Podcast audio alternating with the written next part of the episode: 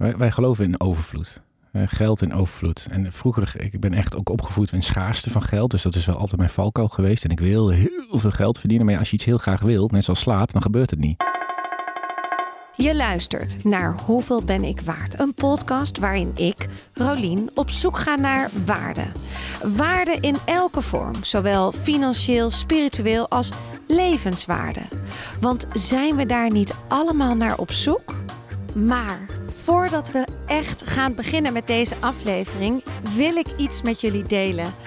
Ik ben genomineerd voor een Dutch Podcast Awards 2021 in de categorie zakelijk.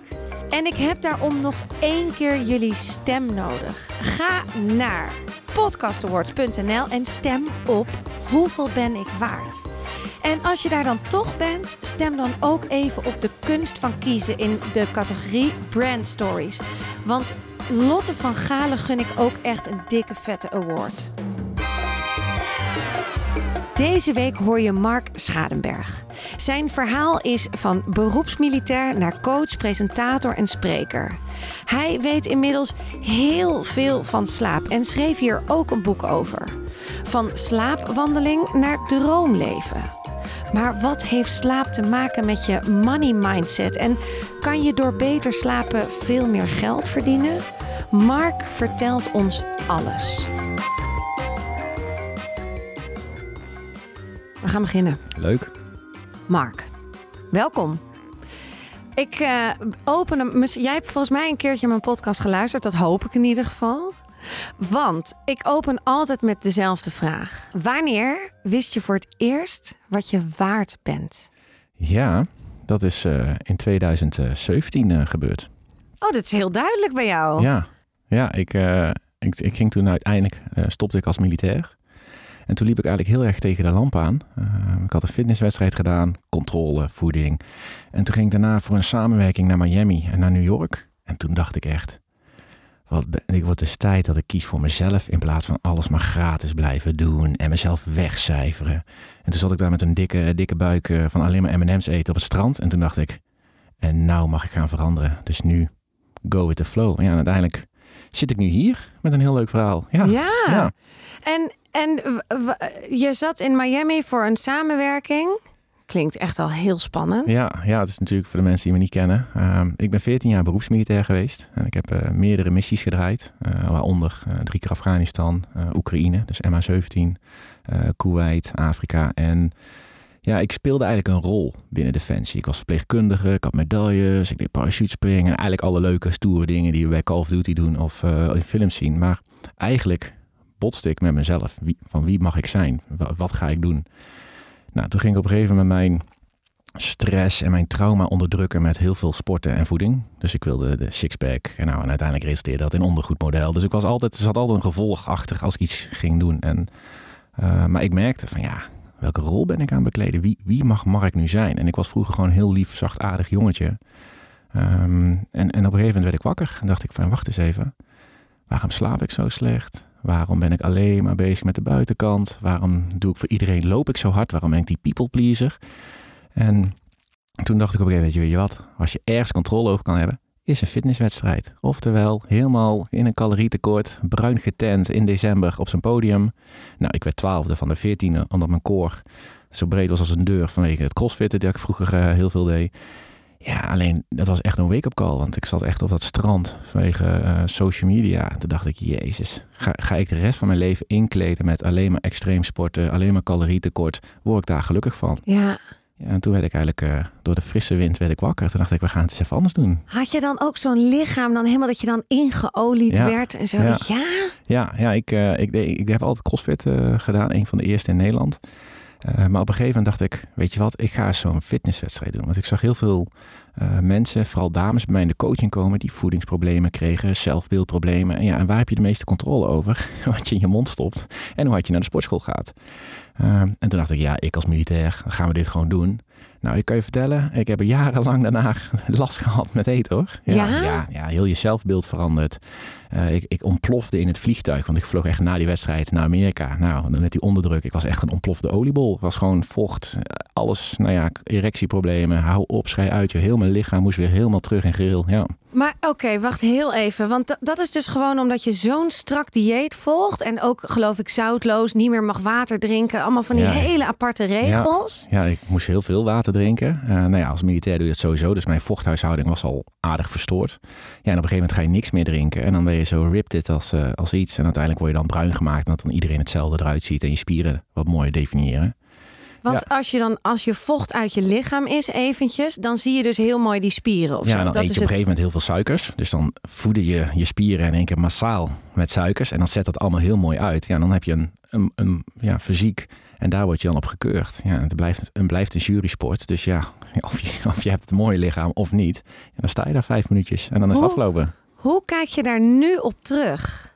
Uh, nou, ik ben heel blij dat ik het gedaan heb. Ehm, waarom? Omdat het, ja, het, het zorgt toch voor een stuk discipline. En je moet echt alles verlaten. Want ik heb het letterlijk en figuurlijk acht maanden lang niet gesnoept. Alleen op mijn verjaardag heb ik een frietje gegeten. Uh, maar ik heb echt dedicated elke dag alles afgewogen. En, uh, dus ik heb er heel veel respect voor. Het enige wat ik wel gevaarlijk vind is dat mensen daar, veel mensen daarna toch in blijven hangen in mijn ogen. In de zin van elke keer maar weer dat perfecte lichaam. Ja, en ik weet nou dat ik het in ieder geval nooit meer ga doen. Dat het leven nu toch wel iets anders is dan uh, alleen maar calorieën tellen en uh, ja, heel mijn leven ja. invullen met sport. Het is echt 180 graden gedraaid. Ja, ja, en dat, so, soms heb ik nog steeds last van zelfbeeld. Dan denk ik, jezus, had ik dat nog maar? Of ja? uh, voel ik me nog wel eens schuldig als ik niet naar de sportschool ga. Ja. Weet je wat ik altijd zo shocking vind? Ik zat op een gegeven moment ook bij een sport. Toen ik 30 werd, dacht ik, laat ik eens gaan sporten. Ik heb nooit in mijn leven sport. En ik vond het fantastisch hoor. Niet crossfit, maar gewoon in de, van die groepjes, van die stepgroepjes, heerlijk. En er waren een paar meiden die deden dan al, daaraan mee. Die, een paar juffen. En uh, hoe heet dat? Docent. Nou ja, whatever. Uh, en die, die waren dan maanden inderdaad aan het aftrainen, gekke diëten en zo. En daarna, dan was de wedstrijd geweest en dan kwamen ze kilo's ja, aan. Ja, ik ook. Ik... Maar ontploft inderdaad ja. wat je zegt. Ja, want je moet, je, moet, je moet dan eigenlijk alles wat je afgebouwd hebt, moet je ook weer langzaam opbouwen. Alleen, ja, na zo'n wedstrijd ga je vol eten. Nou, ik zat met uh, Sinterklaas, dus pepernoot, chocola. Ik ontplofte. Nou, in Miami, ik weet nog wel dat op een gegeven moment... Uh, had ik 's ochtends pancakes, 2000 calorieën. En daarna ging ik naar de supermarkt vijf zakken eh, M&M's halen, verschillende smaken. En dan zat ik op het strand gewoon weg te beuken, omdat ik in die overlevingsstand had gezeten. Ja, en dat is echt niet gezond. Nee. nee.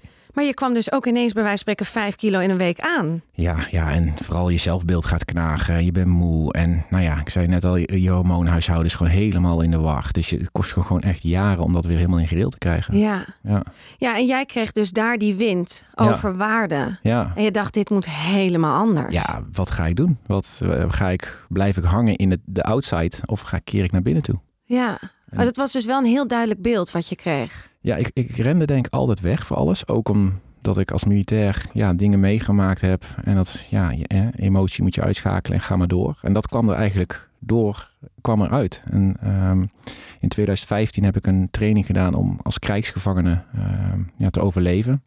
Dus echt alla wat als, als je gepakt wordt door IS, dat soort. En hoe maak je iemand krijgsgevangene? Is geen slaap, geen voeding, niet bewegen, uh, ritme verstoren. En toen haalde ik dat. Toen dacht ik, ja, oké. Maar zijn mensen dit niet in het dagelijks leven ook aan het doen? Weet je wel, laat naar bed, niet naar buiten, altijd een calorietekort, geen zin in te hebben in sporten. Ja, en daar kwam echt ook mijn missie van, wacht eens even. Heel Nederland mag gewoon beter gaan leren slapen, want we maken onszelf gewoon krijgsgevangenen. Ja. Maar ik zelf ook. Ja, ja. en slaap is dus heel belangrijk. Ja, ja, het is nog belangrijker eigenlijk als eten en, en bewegen. Maar dus goed slapen. Ja, en dat is de kunst tegenwoordig. Ja. Je kan nog zo gezond eten en nog zo hard sporten, maar als je niet goed slaapt, dan functioneert je lichaam gewoon niet optimaal. Nee, want inderdaad, dan moeten we eigenlijk nu gewoon vragen, wat doe jij nu? Haha, wat ik nu doe, ja, ik, ik ben... Ik leef heel relaxed, uh, dus ik heb echt heel veel vrije tijd. Uh, ik beperk echt mijn stress tot het minimum. Um, dat heb ik ook echt wel moeten leren, want ik had wel het idee al dat elke minuut benut moest worden. Ja, en qua slaap is wel echt mijn paradepaardje geworden. En ik zorg echt dat ik s'avonds tussen de 7 en de 9 uur slaap. En zeker nu met de baby op komst. Um, ja, dat is, zorgt echt ervoor dat ik de volgende dag gewoon kan doen wat ik wil doen. En voel ik me moe, ga ik naar bed. doe ik te veel, neem ik rust. En dat is wel echt mijn, mijn, ja, mijn changing moment geworden in het leven. Ja, maar kijk Mark, je moet ook geld verdienen. Waar, waar verdien jij geld? In welke uren? In welke wakkere uren? Ja, ja ik, ik werk denk ik tussen tien en drie. Twee dagen in de week. En, uh, Hoeveel dagen per week? Twee, ja. Ik, uh, ik coach gemiddeld vijf uurtjes ja, in de week, dus één dag. Um, en ik doe natuurlijk echt wel leuke dingen waar ik vooral zin in heb. Net zoals nu een podcast opnemen. Dus ik vul mijn dagen waar ik echt gewoon zin in heb. En waar ik vroeger heel graag miljonair wilde worden, uh, ben ik er nu achter gekomen na 14 jaar defensie, all over the world, elke dag werken onderhand, dat vrijheid zoveel meer waard is dan een gevulde spaarrekening. Ja, dat is de echte waarde. Ja.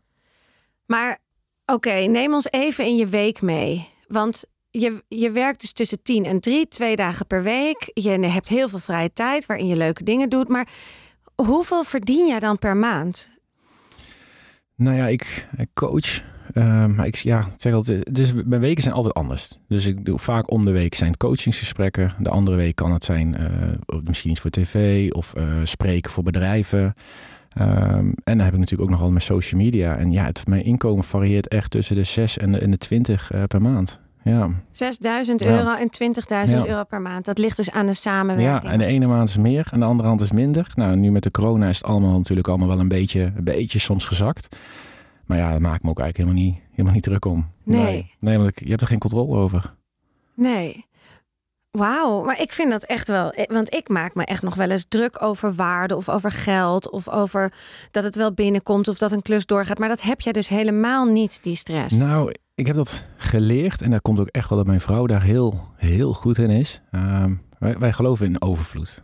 Geld in overvloed. En vroeger, ik ben echt ook opgevoed in schaarste van geld. Dus dat is wel altijd mijn valkuil geweest. En ik wil heel veel geld verdienen. Maar als je iets heel graag wil, net zoals slaap, dan gebeurt het niet. Um, dus ik ben nu wel meer nee gaan zeggen. En doordat ik meer nee ben gaan zeggen, komen er grotere opdrachten binnen. En eerst deed ik heel veel gratis en van die hobby-sabby uh, samenwerkjes en, en allemaal van dat fast money. Ja, en dat maakt je uiteindelijk heel onrustig. En zeker na 14 jaar, elke maand op 24 van de maand om 12 uur kreeg ik mijn salaris. Ja, dacht ik ook als ondernemer, hey, ik moet elke maand evenveel verdienen.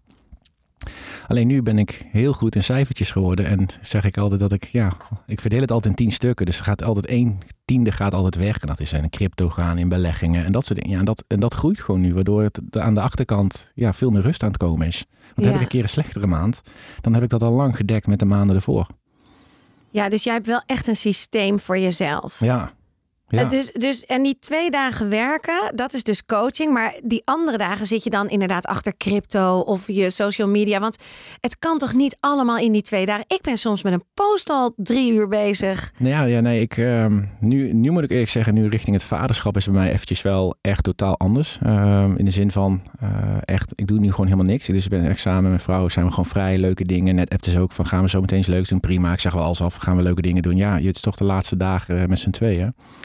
Maar net zoals met, met uh, social media plan ik gewoon twee uur in in de maand. En dan maak ik, zet ik alles klaar. En mijn stories doe ik wanneer ik zin in heb. En dan wordt het ook een beetje authentiek en leuk. En als ik hier geen zin heb te posten, doe ik het ook niet. En dat is gewoon, ja, want als je dingen moet, dan wordt het zo zwaar het leven. Ja. En, dat, en daar, daar heb ik zoveel in het verleden gedaan. Daar ben ik ongelukkig van. En nu doe ik gewoon waar ik zin in heb. En dan is het ook spontaner, is leuker. Gaat er een keer een samenwerking niet door. Dan is het zo. Alles gebeurt met een reden. En dat heb ik echt naast me neer leren leggen. En dan wordt het allemaal zoveel makkelijker. En kan je mij meenemen in deze reis? Want dit klinkt echt als een droomleven. En is dit voor iedereen weggelegd? Of... Nou ja, ik, ik, ik denk um, voor, de, voor de mensen die luisteren is... Um, we worden gek gemaakt door het moeten. He, we moeten zoveel van onszelf. En de oefening die ik ook met mijn coachingsklanten is... is schrijf op papier, ik moet. En daarna uh, ik moet drie keer sporten, ik moet een mooi lichaam hebben, ik moet een leuke partner. En op een gegeven moment vervang je dat woord moet door mag. Ik mag drie keer sporten, ik mag een leuke partner zijn, ik mag geld verdienen. Wow. En dan, dan, dan is die ballast er al vanaf. Daarnaast worden we doodgemaakt door onze gedachten. En ik zeg ik ook wel tegen mensen van luister, je hebt een gedachte, je bent niet je gedachte. Ja. En dat is wel wat er gebeurt. Maar dat kennen we nu allemaal wel. Dat- Ik word er ook soms, ik bedoel, ik, ik snap je helemaal. Ik voel hem ook, maar ik word er wel mee doodgegooid met deze en, en- term. En, en, en daar ben ik mee begonnen. Hè? Dus daar ben ik. Alleen wat op een gegeven moment is, is als je in overvloed durft te vertrouwen. En dat staat hetzelfde in energie als liefde en in je kracht staan. Dus ben je alleen maar geënt op geld, zul je merken dat aan die andere twee dingen, ja, het gaat knabbelen. Dat, dat het onrustig gaat maken. Eh, nou ja, mijn, mijn liefdesgebied is gewoon steady. En dat gaat, maar het geld, dat heb ik echt moeten leren. En elke Ja. keer als ik terugval in, in, in, die, in, die, in die paniek, ja, dan, dan zeg ik tegen mijn vrouw: van, luister, ik word onrustig. En dan zegt ze: Mark, weet je nog? Het is een overvloed en alles gebeurt met een reden. En op een gegeven moment, door het vaak te maar herhalen en ja, te vertrouwen, ja, dan gaat dat gebeuren. En natuurlijk heb ik nog steeds af en toe dat ik denk van, oh, ik moet paniek, want er komt een kind aan, een koopwoning. En, ah! Maar aan de andere kant denk ik, het komt toch wel weer goed. Ja. Ja.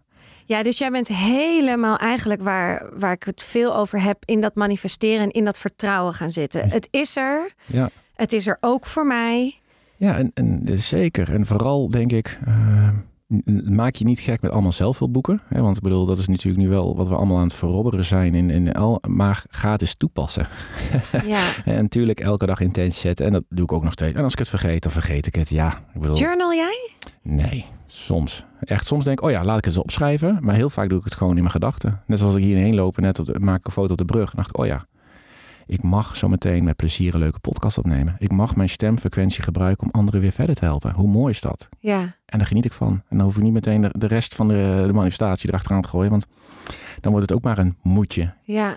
En hoe vind je het dat er gewoon heel veel mensen ja, via Instagram en cursussen en dus we hebben heel veel coaches tegenwoordig. En hoe, hoe kijk je naar dat landschap? Nou ja, ik, ehm, ik- kijk, vroeger in de middeleeuwen, en daar was ik natuurlijk niet bij, maar dan, dan was één iemand de leider en die gaf informatie en die zorgde ervoor dat hij nog steeds de slimste was, het aanzicht en de rest eromheen, weet je, de, de dominee of dat soort dingen. En nu, waarom gaat de tijd nu zo snel? Omdat we mensen iets leren om weer verder te komen. En iedereen heeft zijn of haar pad. Ehm, en ik denk ook dat er, er zijn genoeg mensen die gecoacht kunnen worden. Alleen wat ik je net op de trap misschien ook vertelde, is niet iedereen is er nog klaar voor. Ja. We willen allemaal misschien onderneming en heel veel geld verdienen en weten wat we willen. Maar iedereen doet dat op zijn of haar manier. En sommigen zullen dat in dit leven eh, ja, drie stapjes maken en anderen vijftig stapjes. Ja. En dat is ook goed. Ja. Ehm, alleen, ja, ik dacht vroeger ook, oh ja, ik moet miljonair worden, ik moet de wereld rondreizen, ik moet een groot gezin, hè, chit. Ja, en dan op een gegeven moment dacht ik, oh wacht even, ik ben 33. Eh, nou, nu eh, word ik eh, 35, komt een kindje aan. Oké, het gebeurt nu pas dus, punt. Ja. Terwijl eerst dacht ik, oh ja, voor mijn dertigste moet ik al een pensioen geregeld hebben. En dat maakt het wel, eh, wel heel lastig, denk ik. Omdat we, we, we kijken allemaal bij de buren. En dat doen we dus ook met coaches. Want iedereen heeft zijn of haar verhaal te vertellen. En dat is heel mooi. Alleen ja, voor de mensen, denk ik, die er echt baat bij hebben... is er wel een grote visvijf van, ja, wie, wie, wie, moet, ik nu, wie moet ik nu hebben? We blijven bij de fysiotherapeut ook vaak hangen omdat hij heel gezellig is. Maar als hij niet meer goed kan behandelen, moet je naar de volgende. En dat is ook hetzelfde bij een coach of een therapeut. Als hij je niet kan helpen of niet verder, wordt het tijd voor iemand nieuws. ja. Maar er zijn er zoveel. Ja. En hoe vind je nou die goede voor jou? Nou ja, ik word eigenlijk vanaf 2006 word ik al gecoacht. En elke keer door verschillende mensen. En Jij hebt zelf ook coaches. Ja, ja, ja. ja, ja. Is dat eh, net zoals dat Cindy Koeman altijd bij de een van de eerste afleveringen zei: iedereen moet een coach? Nou ja, moeten is natuurlijk weer eh, mag, denk ik. Hè? Ja, Dus- bij jou is het mag, maar eh, iedereen mag. Je zou dat iedereen gunnen. Ja, zeker. Ik, ik ben begonnen ooit met mijn trauma te verwerken van mijn eerste missie. Eh, Ik bedoel, ik was, ik was 18 jaar en ik deed echt dingen waar ik nog steeds dagelijks eh, mee. En elke keer loop ik ergens tegenaan. En dan ga ik op zoek naar de persoon die mij kan, kan helpen. En op een gegeven moment raakte ik dat spirituele pad, plantenmedicijn. En ben ik daar een coach in gaan zoeken. En ook daar heb ik drie verschillende geprobeerd. Ik, oh ja, deze was tof, maar, maar dit, moet ik, dit moet toch een vrouw zijn. En dan ga ik op zoek naar een vrouw. En hey, die kan me weer verder helpen. Ja. En, ehm, maar daardoor ben ik wel geworden wie ik nu, nu ben. Want Ja. ik heb hulp durven vragen. En ja, als iets niet goed is, durf ik dat ook te gaan naar de volgende. Ik bedoel, ja, als je gaat ook naar verschillende, misschien naar verschillende kappers. Dan denk je, oh, die heeft niet goed geknipt, ga ik naar een andere. Maar als het om coaching gaat, willen we altijd de beste, de snelste. En ja, daar zijn we bereid om goud geld voor uit te geven. Ja. Nou, het is gewoon een apart landschap tegenwoordig, denk ik. Omdat er dus zoveel zijn. Je hoeft er ook geen opleiding meer voor te hebben. We zijn het allemaal. Ja. We worden gevraagd door elkaar. Misschien is het ook een mooie ontwikkeling. Hè? Is, is het helemaal niet verkeerd dat er zoveel zijn? Want misschien moeten we elkaar gewoon coachen. Inderdaad, in jouw kleine stukje expertise wat we allemaal hebben. Ja, ja, zeker. ervaringen. En dat je dan weer coachen daarin. Maar het is gewoon soms zo overweldigend van jeetje, Nou ja, zoveel. En, ik, ik denk dat voor de mensen ehm, ga voelen of de coach er is om je echt verder te helpen. Hè, dat stuk healing. eh, of is deze coach er omdat hij graag vanuit huis zijn geld wil verdienen. En, en daar liep ik heel erg tegenaan. En ik zag vroeger echt als, als concurrentie. dacht ik, wow, shit. Weet je wel, allemaal mensen, allemaal coaches. Die willen ge- maar er is zo'n groot landschap. Ik bedoel, ik denk nog steeds dat er minder coaches zijn. Een aantal mensen op de, op de A-bol. Ehm, maar ga voelen. Ga, ga investeren en probeer het. En als het niet de goede is, is het niet een slechte coach. Maar was deze gewoon niet geschikt voor je?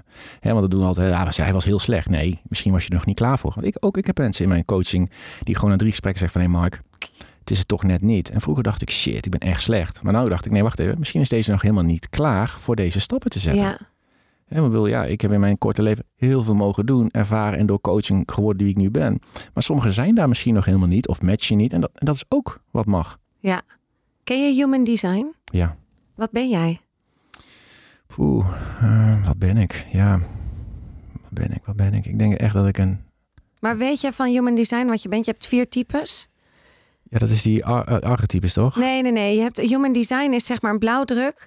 Heel interessant ook. En dan ben je de of je bent een generator of een projector of een manifester of een gener- generator manifester.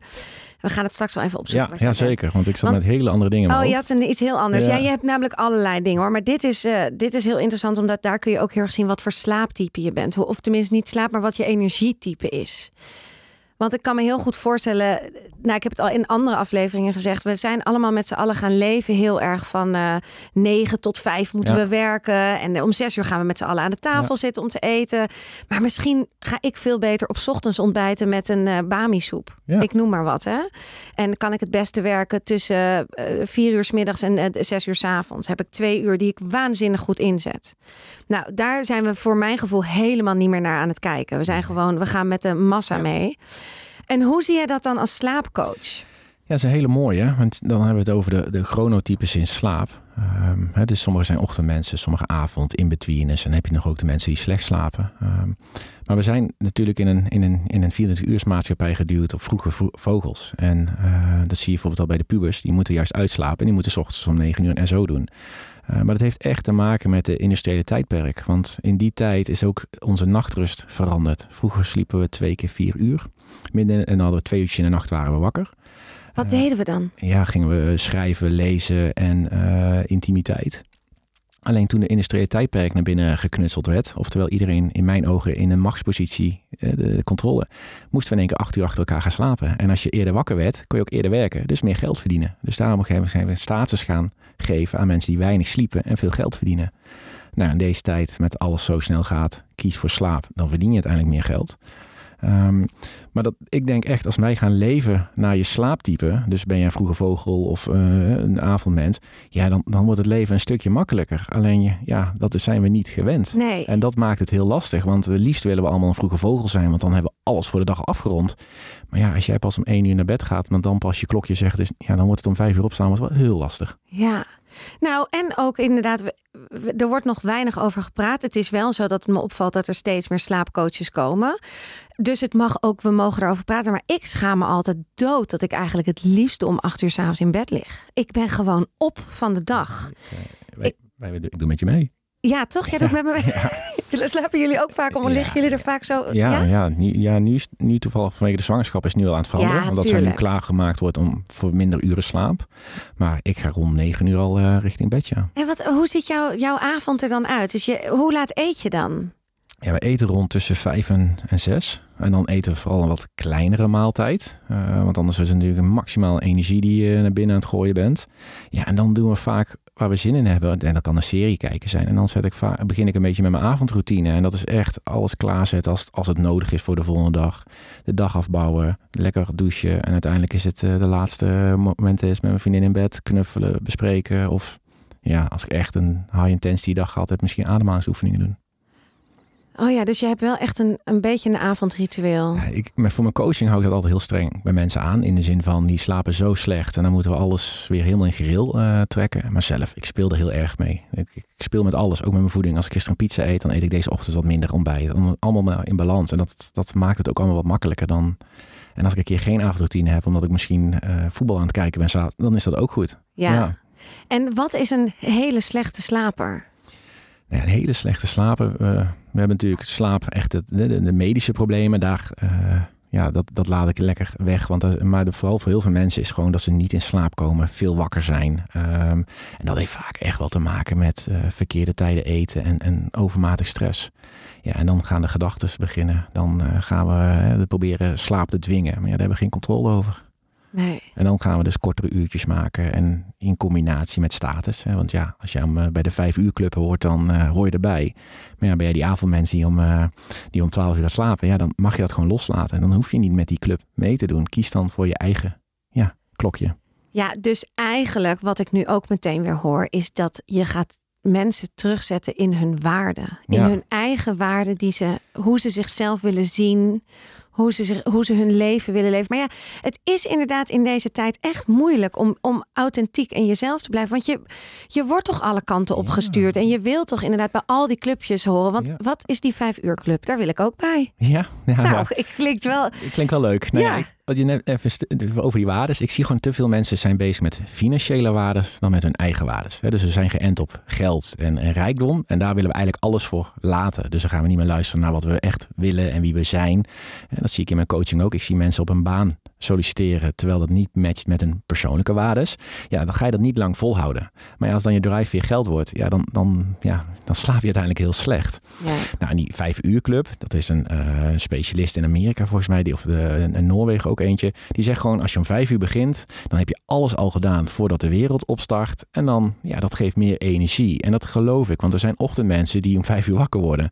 Maar ja, ben je een avondmens, ja, dan, dan, dan bots je met, je met je ontwikkeling en je systeem. Ja, en dan wordt het een gevecht. Eh, En natuurlijk pas je interne klok zich aardig aan, maar je kan nooit van een avondmens een ochtendmens worden. Hoe hard Nee. je ook je best gaat doen. En je ziet gewoon heel veel mensen daardoor weer weken weer terug en dan zich schuldig voelen. Want ja, we willen toch vroeg wakker. Want maar ja, ga, je kan ook s'avonds gewoon dingen doen. Want de wereld slaapt bijna nooit meer. Dus het maakt niet meer uit op welk tijdstip je het gaat doen. Ja.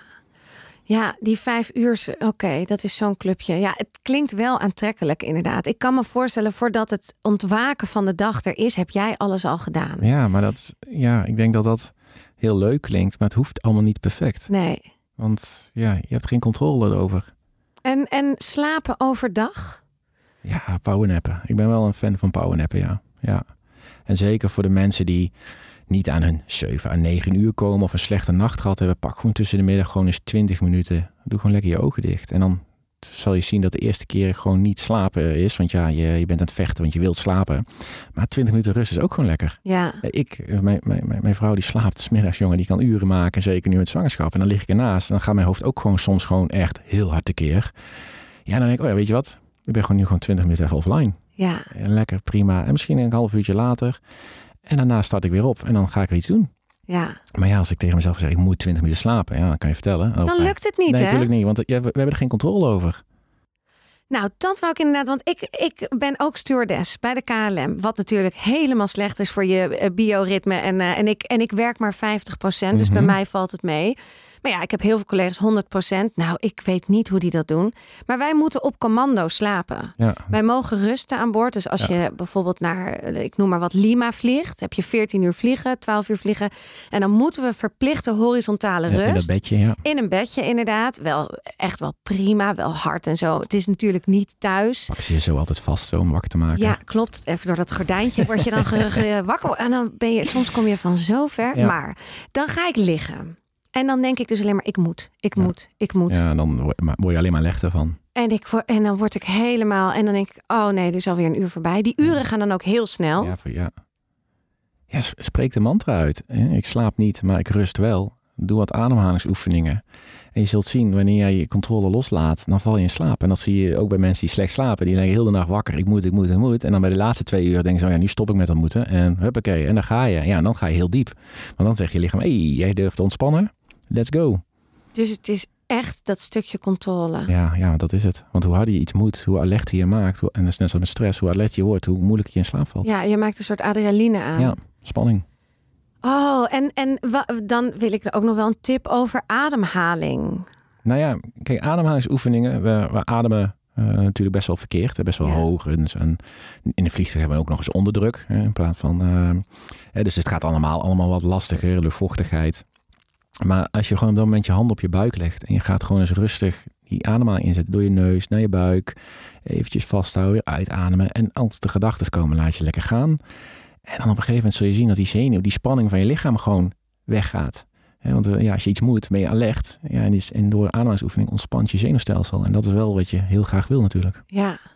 Ja. En zeker, denk ik, bij jullie in het werk. Want je bent al- altijd bezig en je, je hebt naar buiten om die turbulentie en al die dingetjes.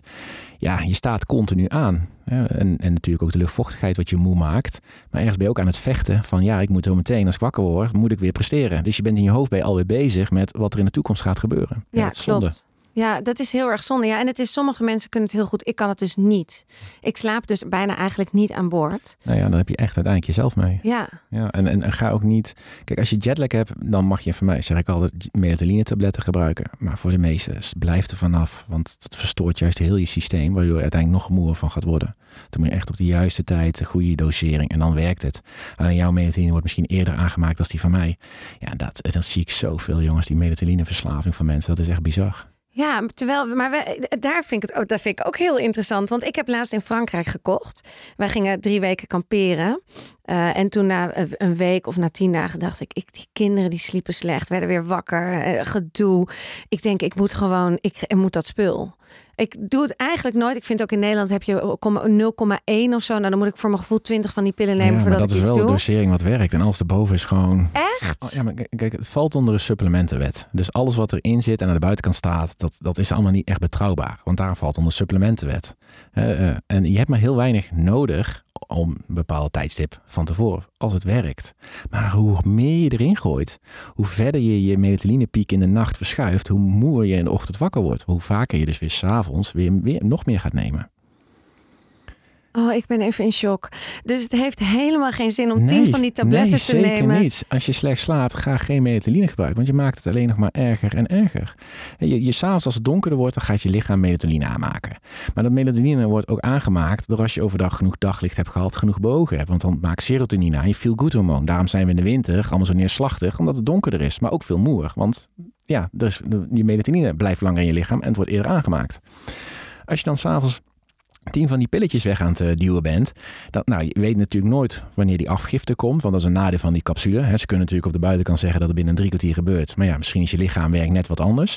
Ja, en normaal, kijk, je, je, bouwt melatonine op. Je lichaamstemperatuur wordt kouder.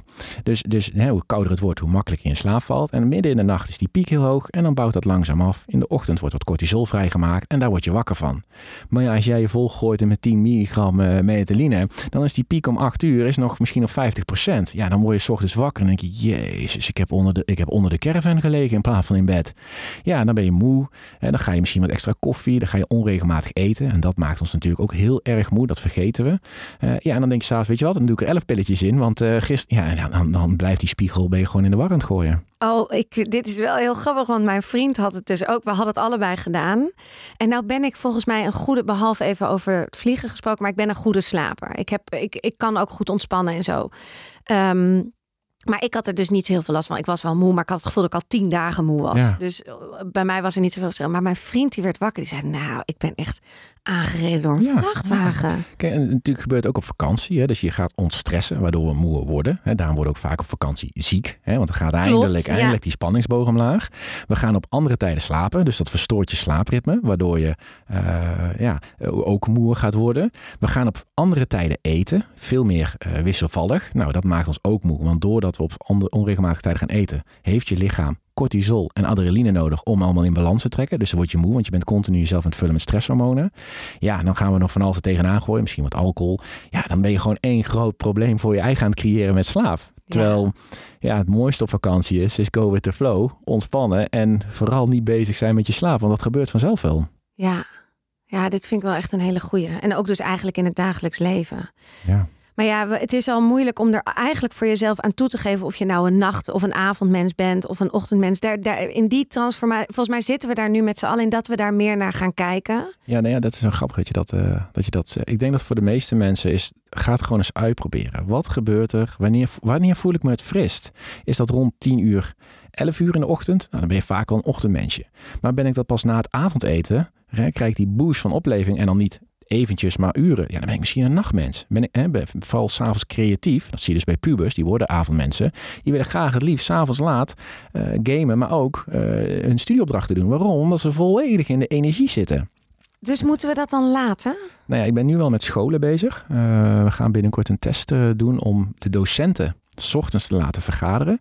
En dan later de lessen te laten beginnen. Waardoor iedereen rond drie, vier uur klaar is. Want wat je nu ziet is dat de pubers in school s ochtends vroeg aan het overleven zijn. De docenten zijn al hun energie aan het verspelen aan slapende kinderen. En die moeten op het moment wanneer zij moe zijn, moeten ze gaan vergaderen. Dus er worden ook minder goede beslissingen gemaakt. En dat wil je liefst rond twee, drie uur wil je gaan vergaderen. Uh, als, als het heel team dat past. Maar ja, dat is op school natuurlijk heel lastig. Dus ik ben nu wel bezig met de Han. Hebben we daar laatst een gesprek over gehad. Om eens te kijken of we daar mogelijk. Maar ja, het is een heel groot orgaan. En het is natuurlijk het systeem. Hè, wat, uh, ja, en ik hoop uh, dat steeds meer mensen dat gaan doen. En ik denk dat dat ook wel een beetje de transitie is naar ondernemen. En niet iedereen is een ondernemer. Maar iedereen wil wel zijn eigen ritme gaan bepalen. Ja. ja alleen ja, de grote, grote oppermacht wil natuurlijk iedereen een loondienst hebben. Want dat is lekker uh, makkelijk. Maar ja, dat is, het grootste gedeelte is er niet voor gemaakt, joh. Om, nee. om in die uren te werken wanneer ze moeten werken. Nee, maar we zijn ook wel in een, in een mega switch. Want ik bedoel, ik heb een keer een aflevering gemaakt dat mijn moeder ZZP'er was. Dan heb ik het over uh, eh, 30 jaar geleden. Nou, toen noem je dat, dat noemde je geen ZZP'er. Maar dan deed je gewoon zwart ergens een paar uurtjes bijwerken. Nou, dat waren misschien duizend mensen in Amsterdam. Ik noem maar wat, hè. Nu zijn het er nou, heel veel. Heel veel. dus het is. Maar dat is, en dat is het ook. En goed hoor, ik, ben het er ook mee eens. Ja, alleen het wordt ook weer steeds lastiger gemaakt. Ja. Want de verzekeringen zijn hoog. Hè. Je hebt, ja. Net zoals nu bijvoorbeeld, uh, ik heb nergens recht op. Ik word vader, maar ik heb als, on, als ondernemer nergens recht op. Geen verlof, ik moet het allemaal zelf regelen. Nou, gelukkig heb ik al een beetje dingetje aan de kant gezet, waardoor ik zo meteen uh, vrij kan nemen. Ja, en dat is natuurlijk wel ook wat er nu gebeurt in de, in de wereld. Is het wel uh, ondernemers versus mensen en loondienst. En nu zullen mensen en loondienst zeggen van ja, maar dan had je maar moeten kiezen voor loondienst. Kijk, iedereen kiest wat bij hem past. Ja. Maar het mag, mag geen on onderscheid zijn. Nee. in bepaalde dingen die in het leven gebeuren. Zoals kinderen bijvoorbeeld of ziekteverlof. Maar als ik zie wat we aan verzekeringen moet betalen voor het geval dat ik mijn vinger breek. Dat is, ja, natuurlijk had ik ook bij Defensie moeten blijven. Want het was allemaal geregeld. Maar ik koos ervoor om daar uit te breken. En ik heb er ook voor gekozen om dus meer geld af te staan. En alles wat er moet. Ja. Ja, maar als ik dan gewoon geen vaderschapsverlof krijg, is het natuurlijk gewoon heel krom. Ja, dat is heel krom. Dat ben ik met je eens. Want je wil ook gewoon, je moet, je moet voor de basis van je kind gewoon uh, die rust hebben. Maar het, we zitten in de switch. Niemand, niemand kent het nog dat we zoveel ZZP'ers hebben. Dus ik heb wel heel erg hoop dat door ook al het hele schoolsysteem aan te passen, kinderen het veel jonger te leren over wat ZZP is, over belastingen, over als we dat dat gaat nu allemaal komen. Je ziet zoveel mensen al hier zich zorgen over maken voor de nieuwe toekomst. Dat, dat dit gaat komen. Ja, dat loondienst gaat eraf, net zoals het thuiswerken wat nu helemaal ontwikkelt. Dat je dus mag ontdekken of je een avondmens bent of een dagmens. Zeker. Dus het, het gaat een goede en dan kunnen we dus misschien ook veel meer geld met elkaar verdienen. Nou ja, en dus. Ik denk het wel. We zijn nu in de naweeën van de visserstijd perk. Hè. We zijn eruit gekomen, dus er is nu heel veel haat en woede. En nou, je ziet alles wat er nu gebeurt in de wereld. Ja, angst, dat, dat hoort er gewoon bij. Daar moeten we doorheen met z'n allen. En er, gaan, er gebeuren ook heel veel mooie dingen. En ik word hier ook in gecoacht, want ik voel dat ik hier een steentje bij moet dragen. Dus ik denk ook dat we naar een schoolsysteem gaan dat wat holistischer is. En ik, of het geld blijft, weet ik niet. Misschien gaat het wel echt crypto worden. Maar het wordt zo meteen, er is een overvloed. En natuurlijk is er een verschil tussen arm en rijk. Alleen dan moeten we, dan moeten we mee stoppen, naar gaan kijken. We zijn nu heel erg aan het wijzen altijd. Maar ik denk dat de kracht zit. Ga ze bij jezelf ontdekken. Waar word ik gelukkig van? Wat wil ik doen? En neem gewoon lief als je in de maand maar 2000 euro verdient. Is dat ook gewoon goed als je alles kan doen wat je leuk vindt. Maar ga niet meteen naar de high-end. Oh, ik moet 10.000 verdienen, ik moet 15.000 verdienen. Want dan wordt het heel zwaar want dan verlies je ook je vrije tijd. Natuurlijk moet je in het begin van je investering moet je gewoon tijd vrijmaken. En misschien op een zondagavond en misschien op een zaterdagavond. Maar ga mensen eerst eens naar jezelf, naar binnen. Wat ben ik? Wie ben ik? En wat wil ik bereiken? Wat is mijn steentje die ik bij wil dragen? Ja, en dan komt de rest. Maar we zijn nu zo vingers aan het wijzen en bezig met alles wat er gebeurt op het nieuws. Dat er gewoon heel veel mensen de kop omvallen. Want die zijn alleen maar gevoed met angst. Maar ja, het is ook, ik word ook wel eens, ik, ik scroll dan door mijn Instagram. Ik ben ook stront jaloers. Ja, nou ja, daar nou, heb je een hele mooie functie voor delete? Nee, nee, nee. Je hebt gewoon, gewoon niet scrollen. Nee, je hebt nu bij mensen bij volgen. Kan je net zoals bij Facebook, kan je gewoon uh, dat, dat je niet meer de stories en de posts ziet van die mensen. Ja, maar het is gewoon de hele dag. Hè? Ik bedoel, je wordt gewoon echt wel beïnvloed door wat er buitenaf gebeurt. Ja, maar ja, en dat Nee, is... Het is ook de kracht. Ik ben het helemaal met je eens. En het, ik heb ook voor het eerst in mijn leven een coach gehad. En ik eh, ben echt al zoveel stappen verder dan dat ik een jaar geleden was. Maar ik, ik kan me gewoon wel voorstellen voor jonge mensen, voor vrouwen, voor, nou, voor iedereen, is dat het gewoon soms ook heel lastig is om echt Maar dat mag ook. bij jezelf En- te en blijven. Dat mag ook, want dat hoort bij het leven. Het leven mag pijn doen. ja. Ja. Ik bedoel, ups en downs, er gebeurt van alles. Alleen we gaan te veel lijden. We worden te veel slachtoffer van het, van het verleden. We zijn allemaal maar bezig met een mooie toekomst. Waardoor we vergeten dat we nu hier op maandag voor ons dan hier nu zijn. En, en dat is wat ik ook in mijn coaching zie. Mensen blijven zo hangen in het verleden. Ik sliep vroeger goed. En als ik dit deed. En ik had vroeger zoveel geld verdiend. En dan deed ik dit. En bla bla. En dan denk ik, oké, maar dat heeft er wel voor gezorgd wie je nu bent. Dus pluk daar eens de vluchten van. En ga dan eens kijken met wie je weer verder geholpen kan worden. Ja, als ik goed slaap, dan ga ik veel geld verdienen. Dat is een heel leuke gedachte. Dat is een illusie, want je weet niet of het uitkomt. Maar ga eerst goed slapen en zien dan wat er op je pad komt. Want Ja. misschien maak je wel een andere beslissing. En natuurlijk, er wordt onrust en angst. Alleen probeer dat gewoon af te schermen. En, en stel je gewoon dezelfde vraag. Oké, waarom triggert dit mij dit? Is dit een verlangen die ik ook wil? Hè? Wil ik ook heel de wereld rondreizen? Of is dit iets waar ik nog aan mag werken? Hè, dat is zelfs irriteren. ja, Waarom irriteer je aan iemand? Dat is het mooiste geschenk die er is. Want eigenlijk zeg je tegen jezelf van wat hij doet, ja, dat mag eigenlijk niet. Nee, jij mag ook liegen. Je mag ook neppe foto's plaatsen. Alleen je doet het niet omdat dat je normen en waarden zijn. Maar als je dus op die manier gaat kijken van hé, waarom irriteer ik je? Wat mag ik er hiervan leren? Hé hey, shit, ik mag ook liegen. Ik doe het niet, maar ik mag het ook. En dan zul je zien dat die ballast veel minder gaat wegen. ja, Want, en dat we zijn allemaal aan het kijken bij anderen. En natuurlijk, ook ik op social media zie mensen de hele wereld over reizen. Zeg ik ook wel eens tegen een vrouw van... "Ah." En dan zei ze, Mark, je hebt de hele wereld rondgereisd. Was je er echt gelukkig van geworden? Nee, want ik miste een huis. Nee, inderdaad. In plaats van dat je nu heel de wereld... koop je een huis. Omdat je een veilige thuis was. Ik denk, oh ja. Het is, dus altijd is er iets mooiers als je het niet hebt. ja, absoluut. Dus ook weer een beetje een stukje dankbaarheid. Van kijk eens wat er hier is, wat je nu hebt. Maar vooral, alles gebeurt met een reden. Dus wat er gebeurt, en de een heeft misschien meer ballast dan de andere. Ook ik heb dingen meegemaakt. Ik heb op die uitzendingen moeten zijn. Ik ben op die landing crash site moeten zijn. Waarom? Omdat ik iets daarvan mocht leren. Dat ik een lieve jongen was die mensen mocht helpen. Niet omdat ik een robocop was die daar met die spullen naar Nederland moest komen. Dat dacht ik altijd. Maar dat heeft ervoor gezorgd wie ik nu ben. Geloof jij dat alles wat je doet in het leven, dat dat gewoon zo moet zijn? Dat wij hier nu zitten, dat Ja. je, wat je ziet op Instagram, in welke bubbel je zit, dat dat helemaal jouw pad is? Dat je dat. Nou ja, ik denk dat op het stukje mediavlak, dat daar nog niet alles met een reden gebeurt. Maar dat er, dat, je- dat je krijgt ook testen. Je bedoelt meer van, eh, als ik zie, als ik met een coach of ik ben in een plantenmedicijnreis geweest, dan krijg ik beelden, dingen die ik mag oplossen, maar ook beelden die ik, waar ik misschien in de toekomst iets mee ga. Maar dan krijg je daarna altijd meteen een test. En, en, en, dat is de kunst. Merk je op dat het een test is en kies je voor het nieuw pad of verval je terug in het oude pad. Ja, en als je niet, niet de rust neemt om ergens naar te kunnen kijken en durft te kijken, want dat is vaak ook waar ik zelf ook mee stoeide. Ik durfde er gewoon ook niet naar te kijken. Oh, prima, dit is eng.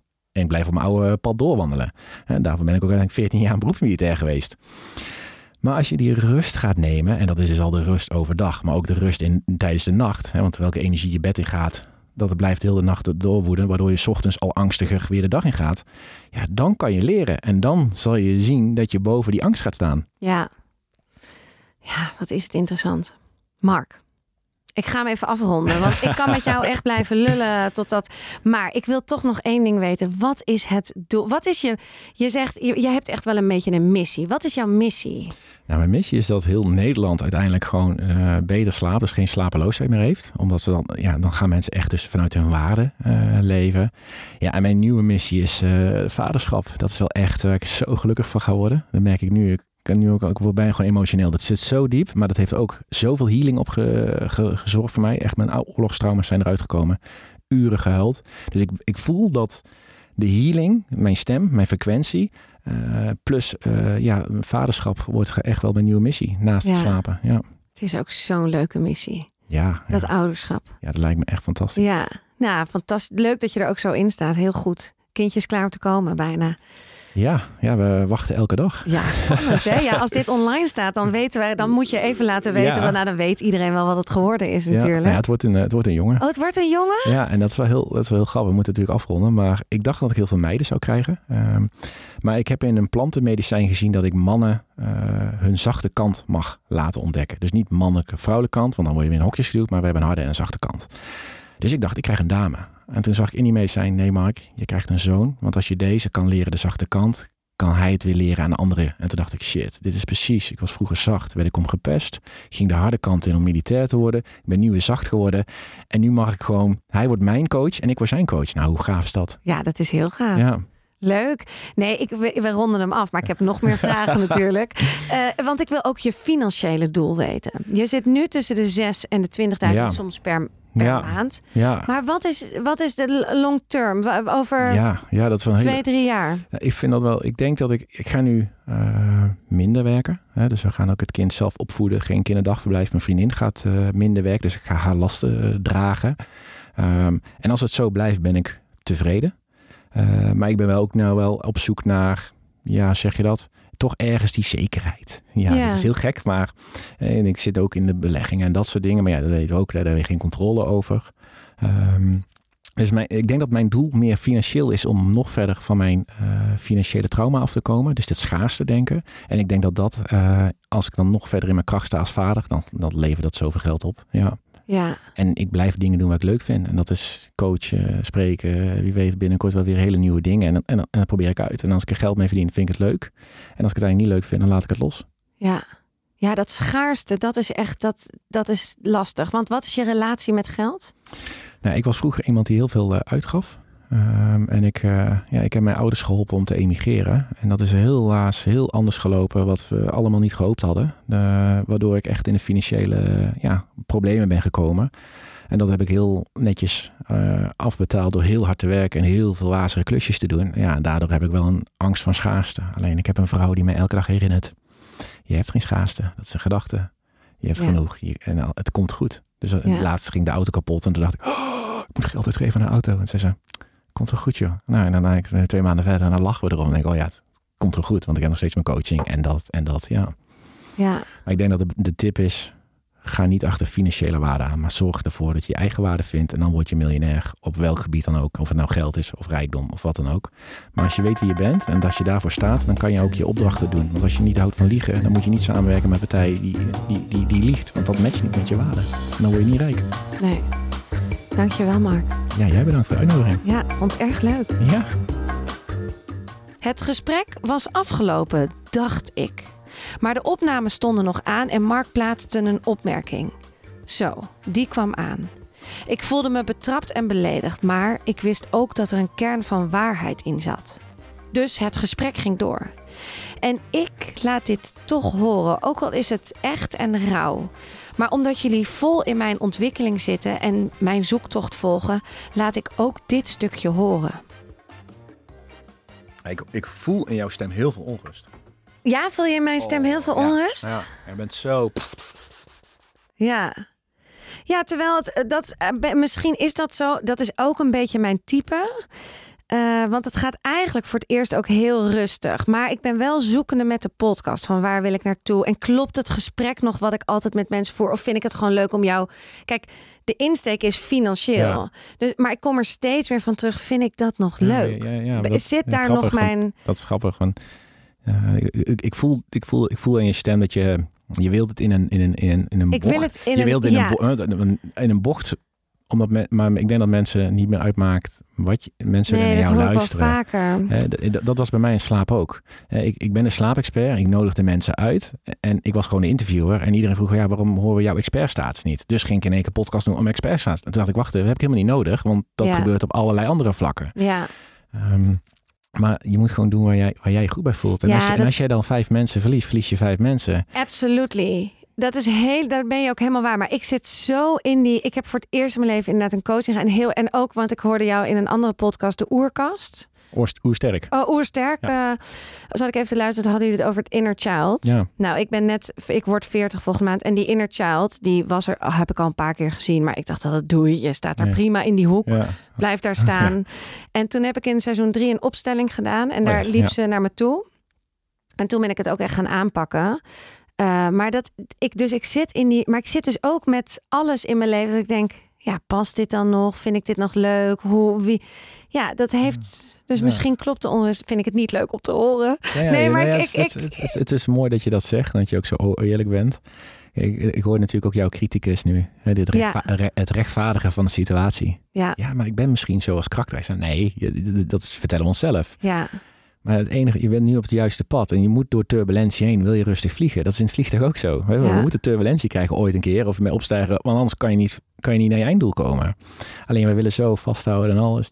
En natuurlijk, het innerlijke kind is, is eng. Ja. Moest je weten hoe vaak ik dat beestje weggeduwd heb. Maar het is nu mijn guardian angel. En als Ja. iets niet goed voelt, voelt iets niet meer goed. ja, maar soms heb je, dat vond ik dus ook zo frustrerend. Want ik heb laatst een opstelling gedaan in mijn hoofd tijdens een meditatie begeleid.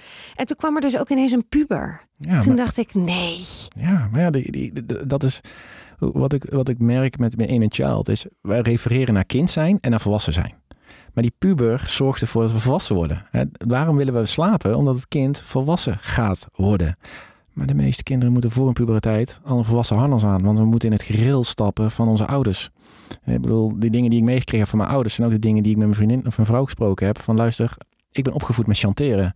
Als ik iets niet wil bij mijn kinderen, is dat ik ga chanteren. Hoe vaak ik niet een opmerking maak naar mijn vrouw in een term van chanteren... omdat het erin geprent is. Waarom? Omdat, dat, omdat ik het gezien heb. En ik dacht, dus zo werkt het. Ja, En dat is wat wij, vooral wij onze, ik ben 35, jij bent, jij bent iets paar jaartjes verder. Wij zijn opgevoed met een hele kortzichtige opvoeding. Wat hard werken, vakantie moet je verdienen. De buren mogen niet weten wat er binnen huis speelt. Er wordt niet over emoties gesproken. En gaan. Want wat wij, ja, en nu is de wereld zo anders geworden. ja. nou ja, ben, ben ik ook helemaal met je eens. Ik kom wel echt uit een ander milieu, want ik ben echt een communekind. Dus ik, maar ik ben opgegroeid met Osho. En wij woonden daar ook. Maar dan nog ben ik het helemaal, wat vooral bij ieder kind gebeurt, vaak, is dat je in de sporen van je ouders gaat. Ja. Dus ik ga ook weer, ik ben dan alleen met mijn moeder opgegroeid.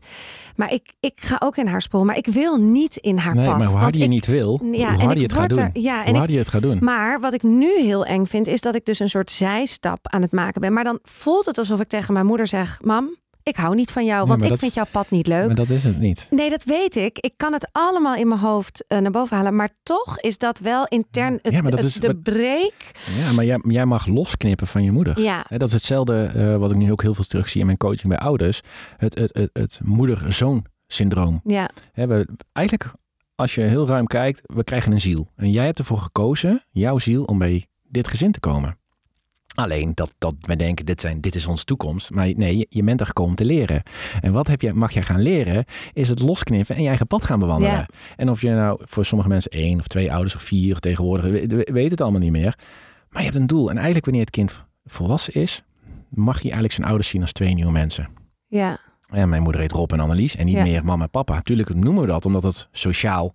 Maar ik doe nu mijn ding. Ik spreek mijn ouders ook niet heel veel meer. Ik, spreek mijn tweelingbroertje niet eens meer, omdat er altijd gezeur en gezeik was. Hè, ik bedoel, nu ook. Ik, ik, word, ik word vader. Hij heeft me nog nooit gevraagd hoe het is. Mijn moeder en vader komen nu wel terug naar, vanuit Oostenrijk. Hè, omdat ze toch voelen van shit, we worden opa en oma. Maar de eerste appjes waren van, oh, we volgen alles wel op social media. Waarom? Omdat ik ervoor gekozen heb om ze allemaal door Ja. te knippen. Om mijn kracht in te gaan zetten. En maar ik zat ook in mijn voetsporen van mijn moeder. Wat? Mijn ex-vriendinnen waren allemaal oma-typetjes. Allemaal precies zelfs mijn oma. Ja, Ex- maar dan moest ik leren doorknippen. ja, En nu met mijn kind ook. Die heeft gezegd, Mark, ik kom pas als je alles verwerkt hebt. Als je al... Je moet gewoon gaan huilen. Want eh, en ik hoef de buik aan te halen. En ik heb uren gehuild. Wat? Al acht en een halve maand lang. Elke avond zingen, huilen.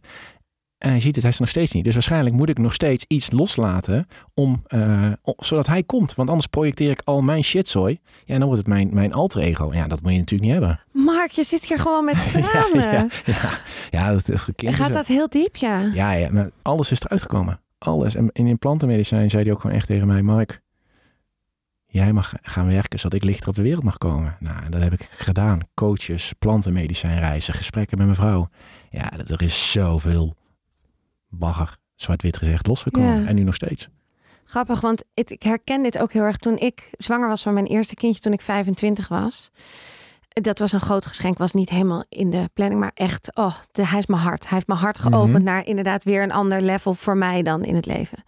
Toen ben ik ook tijdens eh, die zwangerschap in therapie gegaan, omdat ik dacht, inderdaad, alle shit die ik heb, mijn onzekerheid, zo moet ik, en ik bedoel, ja, die moest ik aanpakken. Ja. Want hij moest gewoon zuiver op de wereld komen. Nou, vervolgens kwam er weer heel veel andere shit. Want dat is ook het leven, ben ik ook met je eens. Het komt de hele tijd, het gaat gewoon door. Maar ik vind het zo mooi dat je dat zegt. Want ik herken dit heel erg. En, en dan ben je er ook... Het is gewoon zo leuk om dan die liefde te voelen. Ja, ja, zeker. Dat, dat, dat lijkt me fantastisch. Ja, Kijk, en de kunst is voor ons, als, als kinderen, wij, accepteer je je moeder zoals ze is. Ben je makkelijk in verbinding leggen. Accepteer je vader zoals hij is, of die er nou wel of niet is, dan, dan, dan ben je daadkrachtig in het leven. En, we zien, en dan zie ik heel veel in mijn coaching, we hebben heel veel schuldgevoel naar het verleden. Ja, ze hebben dit gedaan, ja, ze hebben dat gedaan. Nee, hij is er niet voor me geweest. Ja, dat vind ik heel pijnlijk om te horen. Maar accepteer zoals hij is, want hij had waarschijnlijk ook zijn shit om op te lossen en Ja. maakte die beslissing. Ik- Maar ik vind ook wel dat je af en toe. Ik heb ook altijd ge- nooit gewezen naar de ander. Ik heb altijd gezegd: ja, maar het is iets wat ik moet ja, ja, maar dat is het Maar- kind. Dat is het kind. Ja, dus ik heb het altijd opgenomen voor Ja. alles. Maar ik mag nu ook wel eens dat ik denk: ja, mam, ik ben wel een beetje boos op jou. En ik ben wel verdrietig, want jij bent wel met mij in die commune gaan wonen. En ik voelde me niet veilig. Ja, en, en- en wat je, wat, de oefening die ik meegeef is eh, schrijf een brief naar de persoon toe. Je gaat die brief nooit geven en schrijf alles op wat je voelt en wat je denkt. Dus als je boos bent, schrijf het op. Ik voel me echt boos. En wat heeft die boosheid met me gedaan? Nou, het heeft ervoor gezorgd dat ik deze stappen niet dus. En je eindigt je brief met ik ben je dankbaar voor alles wat je wel en niet gedaan hebt. En uiteindelijk verbrand je het of weet ik veel wat. Maar je ziet gewoon, we, we, slaan alles op in onze spieren. Ja. Alle trauma's, alle dingen. En dan zult je erg zien als je dat eenmaal durft te voelen en te vertellen. En niet tegen de persoon, want de persoon heeft altijd anders herleefd. Ja, maar je, je kan je healen door jezelf in te zetten. En Ja, natuurlijk mag je boos zijn. Ook ik ben boos op mijn ouders. Mam, pa, jullie hebben me meegenomen in, in een plan van jullie droom. En dat is anders gelopen. Ja, eerst dacht ik een heel mooi verhaal voor te vertellen. Uiteindelijk kostte mijn kop onderhand. Tuurlijk ben ik boos. Had, had ik het ze gegund voor iets anders? Ja, want het kind wil voor je ouders zorgen. Maar natuurlijk ben ik boos. Want daardoor heb ik mijn droom niet kunnen doen. Of moest ik mijn reizen afbreken, et cetera. Ja, ja, alleen nu... eh, en het is geweest. Want Ja. het heeft ervoor gezorgd dat ik nu weer iets nieuws te leren heb. ja, ja. Dus dat, ja, nou, ik snap het. Mooi dit. Dit was hem nu echt. Nog even een update over de babyboy. Die heeft zich inmiddels gemeld en luistert naar de prachtige naam Savi Leo. Lieve Mark en Joyce, ik wens jullie heel veel geluk. En geniet van elk moment, want hoe cliché het ook is, de tijd met kinderen vliegt voorbij. En voordat ik hem helemaal afsluit, nog één verzoek stemmen. Want nu wordt het echt heel spannend. Ik neem het op tegen allemaal mannen in mijn categorie zakelijk. En zoals Beyoncé altijd zegt, who run the world, girls. Dus ga naar podcastawards.nl en stem op hoeveel ben ik waard. En ook op de kunst van kiezen. Vond je deze aflevering leuk of heb je toch ook weer iets geleerd? Dan hoor ik dat natuurlijk graag. Vergeet je niet te abonneren en een review of sterren in Apple Podcast is meer dan welkom. Tja, want dat helpt voor mijn zichtbaarheid en zo kunnen anderen mij veel makkelijker vinden. Nog één ding. Tot de volgende.